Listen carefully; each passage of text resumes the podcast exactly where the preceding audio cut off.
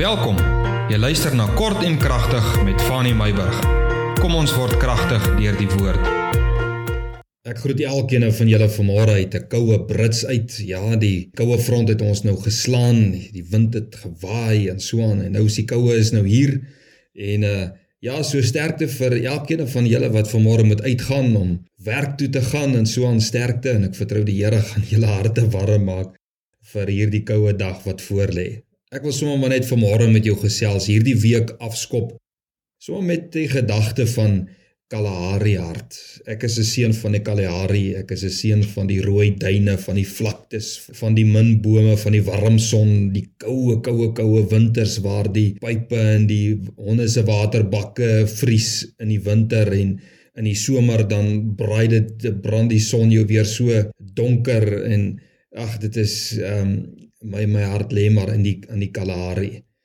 Nou jy weet toe ons by my ouers 'n bietjie gaan kuier het daarso in die Noord-Kaap, gesels ek met 'n skaapboer uit die hart van die Kalahari. En op die donker songebrande plooi lyne van sy gesig kan jy 7 jare se droogtes en die onophoudelike geveg teen die jakkalse kan jy dit lees. Hy sê vir my na 7 jaar van droogte het hy maar 20% van sy oeye oor.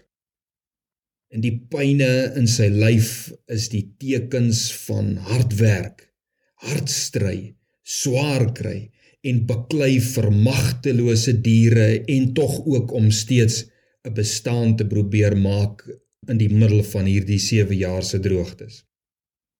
Hy sê vir my het al op 'n stadium met hy gewonder, hy en sy vrou het gepraat Is dit die moeite werd? Moet ons ooit aangaan om so te sukkel? En nog voor hy amper daardie woorde klaar gesê het, sê hy en tog ten spyte van alles, sê hy, maar die Here is goed vir ons. Maar die Here is goed vir ons. Dis 'n Kalahari hart wat daar praat. Ten spyte van alles, ten spyte van die uitdagings, ten spyte van die 20% wat ek oor het van wat aan my toegebedeel is deur die natuur en toegelaat was deur God ten spyte van alles die Here is steeds goed vir ons. Kan jy dit sê vanmôre? Jy weet hierdie gesprek tussen my en hierdie boer vat my terug na een van die klein profete in die Ou Testament. Sy naam is Habakuk. Julle ken die laaste paar versies baie goed. Nou hy is eintlik in hierdie hele boek in hierdie hele 3 hoofstukke wat geskryf is, is hy eintlik met God in 'n in 'n tipe van 'n profetiese gesprek oor Israel, oor hulle omstandighede. En hy begin sy hele rede in hoofstuk 1 teenoor God en vra Here, hoe lank nog moet ek roep om hulp en U hoor nie? Ek skreeu, maar U help nie. Hierdie Kalahari hart het dit sekerlik baie gevra het sekerlik baie geskreeu na die Here, baie geroep na die Here, soos wat jou Kalahari hart dalk gedoen het. En dan sê Habakuk in hoofstuk 2, hy sê ek gaan nou op my wagtoring gaan staan en ek wil gaan staan en kyk wat hy, wat God in my sal spreek.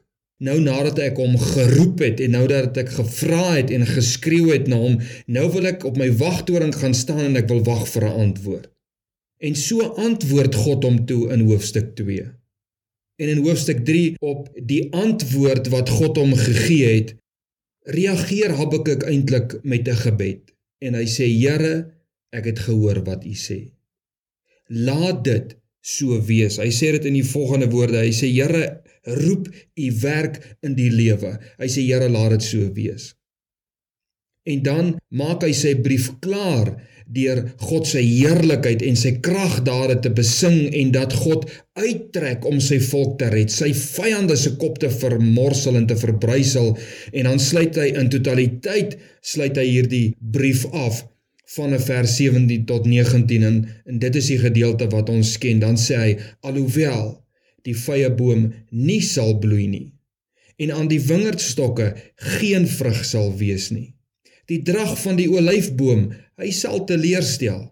Die saailande geen voedsel oplewer nie. Die kleinvee uit die kraal verdwyn en geen beeste in die stalle sal wees nie. Nogtans, nogtans sal ek jubel in die Here. Ek sal juig in die God van my heil. Vers 19.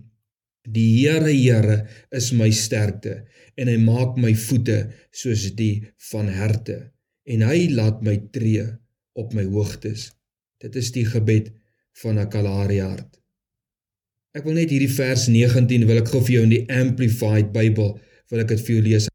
Hy maak dit mos vir ons 'n bietjie meer duidelik. Die Amplified Bible, hy kleur vir ons vers 19 net so bietjie duideliker in en hy beskryf dit vir ons so bietjie. Hy sê the Lord God is my strength.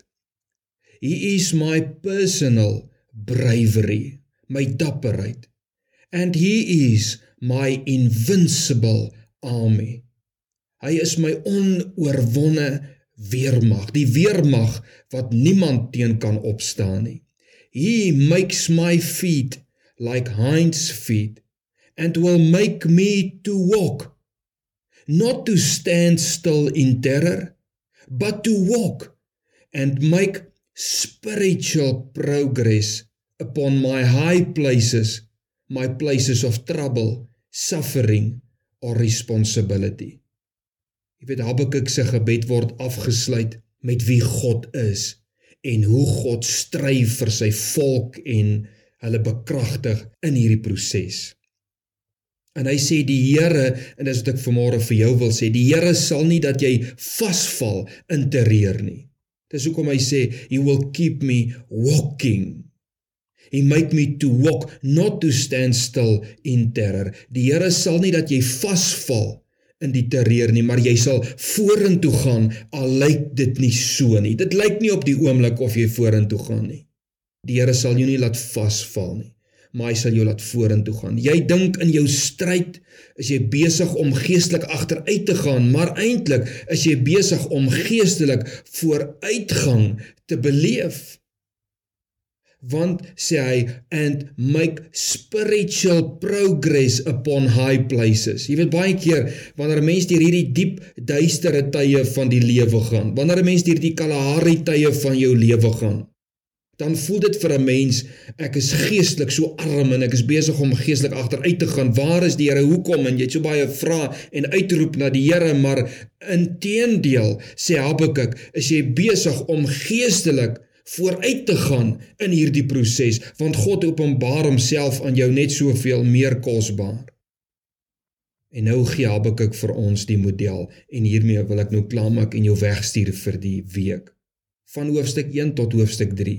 Nommer 1 kind van die Here. Hier is ons model. Roep uit en skree tot God. Moet dit nooit verontagsaam nie roep tot die Here. Dis waar jou beskikking beskutting is. Nommer 2 gaan staan op jou wagtoring en wag op God se terugvoer. Vra Here ek wag vir môre. Ek roep u uit. Dis nou al hoe lank ek roep na u. Here ek wag vir 'n antwoord. Ek het 'n verwagting in my hart dat u my gaan antwoord. Ek wag op u terugvoer. En nommer 3 hef 'n lied aan. Jy weet die hele hoofstuk 3 is eintlik die gebed van Habakuk. Gaan lees dit Dit is 'n gebed, maar dan sluit hy dit af en hy sê eintlik uh, hy begin dit en hy sluit dit af op die wysie van die Shig Jonot. Dit is 'n lied. Hef 'n lied aan om God se verlossing te besing al sien jy dit nie. Maar omdat jy weet God stry jou saak vir jou. So kind van die Here, ek wil jou in hierdie week instuur. Maak hierdie lied jou lied vandag. Net daai laaste paar verse al sou die vrye boom nie bot nie. Nogtans sal ek weet, die Here is in beheer. God is daar. God hoor. God stry my saak vir my en hy sal my vyande sal hy namens my vermorsel en vernietig. Mag die Here jou seën in hierdie dag, mag die Here jou seën in hierdie week en mag die Here jou oorwinning gee in jou gees mens dat jy geestelike vooruitgang sal ervaar en beleef. Alle seën en vrede tot ons môre weer gesels.